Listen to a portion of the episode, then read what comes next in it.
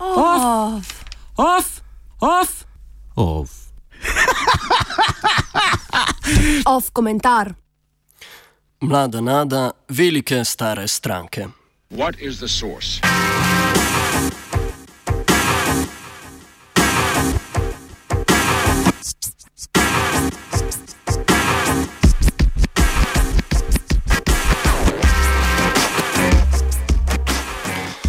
Ja, vse je že kazalo na to, da bodo republikanci v tekmo za predsednika ZDA leta 2016 poslali staro faco in da se nam zopet obeta dvoboj Clinton proti Bushu, kot že davnega leta 92. Kakšen dolg čas. Tudi sicer primarne volitve republikancev niso obetale veliko, vsaj stališče naslovnika tega reality šova zagotovo ne. Lunarjenje Rika Santoruma in pa kavbojstvo Rika Perija sta bila mogoče zabavna na volitvah leta 2012, zdaj pa je postalo samo še zelo utrujajoče.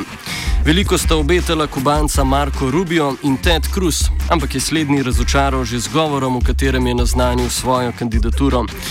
Govor je bil namreč eh, popolna kopija Obamovega govora na demokratski konvenciji leta 2004. Še enkrat smo tako lahko slišali zgodbo o starših iz različnih socialnih okolij, ki so v Združene države Amerike prišli zgraditi svoje sanje.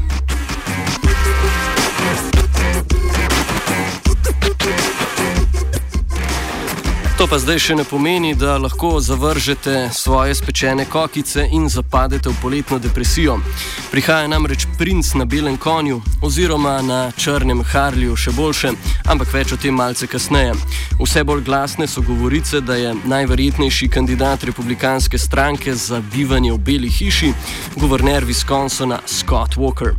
In res, Scott Walker, ki je bil do zdaj širši svetovni javnosti bolj neznan politik, zadnje čase vse bolj bolj pogosto polni naslovnice ameriškega časopisja. Povod za to je Iowa. Razlog je mlad, ljudski in pa brutalno učinkovit. Gremo ga secirati.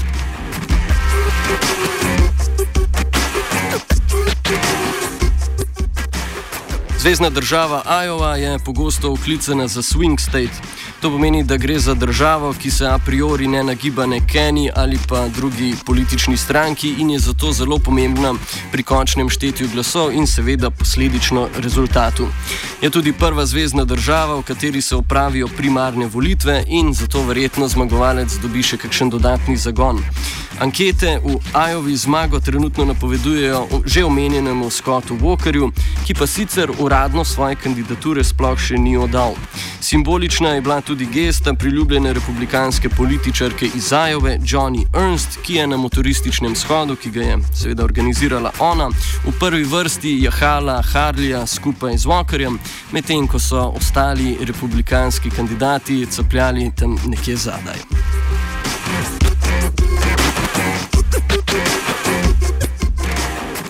Ja, geste vplivnežev do Scotta Walkerja pa ne tečejo samo na simbolni ravni. Aprila je Walker ustanovil svojo financersko organizacijo 527, torej gre za poseben način zbiranja sredstev, ki je lasten Združenim državam Amerike, kjer se financiranje upravlja posedno, posredno, torej preko nekih zavodov. In v ta zavod se je že vključilo več mogocov. Med njimi je tudi stari znanec guvernerja David Koch. David Koch skupaj s svojim bratom Michaelom Kochom velja za enega najvplivnejših ameriških poslovnežev. Je seveda tudi drugi najbogaš, najbogatejši američan in je tesno upleten v politiko. Financira bolj ali manj libertarce, znan pa je po političnem projektu Americans for Prosperity ki je bil odločilni faktor pri preobrazbi Tea Partija, torej teh zelo glasnih čajankarjev, v neko močno in relevantno politično gibanje. David Koch je svoje zaupanje Walkerja kot predsedniškega kandidata izrazil na dobrodelni prireditvi prejšnji mesec. Skupna zgodovina teh dveh likov pa sega še v čas guvernerjevanja, ko je Walker dokazal tisto svojo brutalno učinkovitost.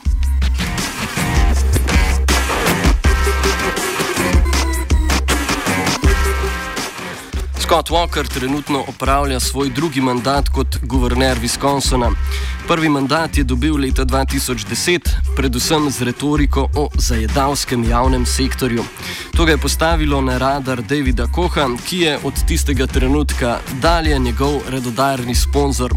Leto potem, ko je bil Scott Walker izvoljen, je predlagal zelo glasni Act 10. To je zakon, ki bi znižal oziroma ki je znižal plače javnim uslužbencem. Pomembnejše pa je to, da je zmanjšal vpliv sindikatov in pa skoraj popolnoma izkoreninil možnost kolektivne pogodbe. To je v Wisconsinu sprožilo Kobajagi izredne razmere. Sindikati so množično protestirali, demokratska manjšina v zakonodajnem telesu pa je kar ušla iz države, da jih ne bi nasilo privedli nazaj in s tem vzpostavili kvorum, ki je bil potreben za sprejetje zakona. V akcijo je takrat vstopil kdo drug kot David Koch s fundacijo Americans for Prosperity in zagnal množično kampanjo v podporu zakonu številka 10. Zgodbo od tod naprej seveda poznate. Protestnike se demonizira, guvernerju se kao neki grozi in zakon je sprejet.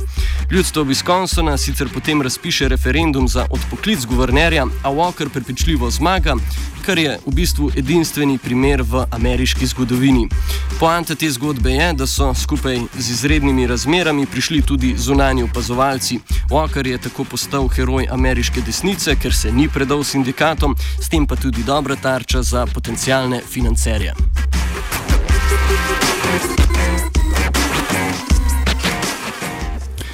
Trenutno vse ameriške ankete največ podpore namenjajo Jebu Bushu, Marku Rubiju in pa Scottu Walkerju. Jeb Bush je pred kratkim zamenjal celo svojo ekipo za kampanjo, v času pisanja tega komentarja pa so se pojavili očitki Marku Rubiju glede pridobivanja premoženja. Kako bo zdaj vse to vplivalo na končno nominacijo predsedniškega kandidata republikancev, je v tem trenutku še nemogoče napovedati. Primarne volitve se začnejo šele januarja. Vsekakor pa to predstavlja dodaten veter v jadra drobilcu sindikatov Scottu Walkerju.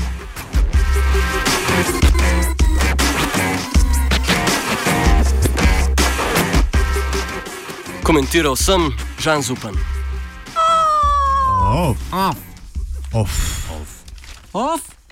Off. Off.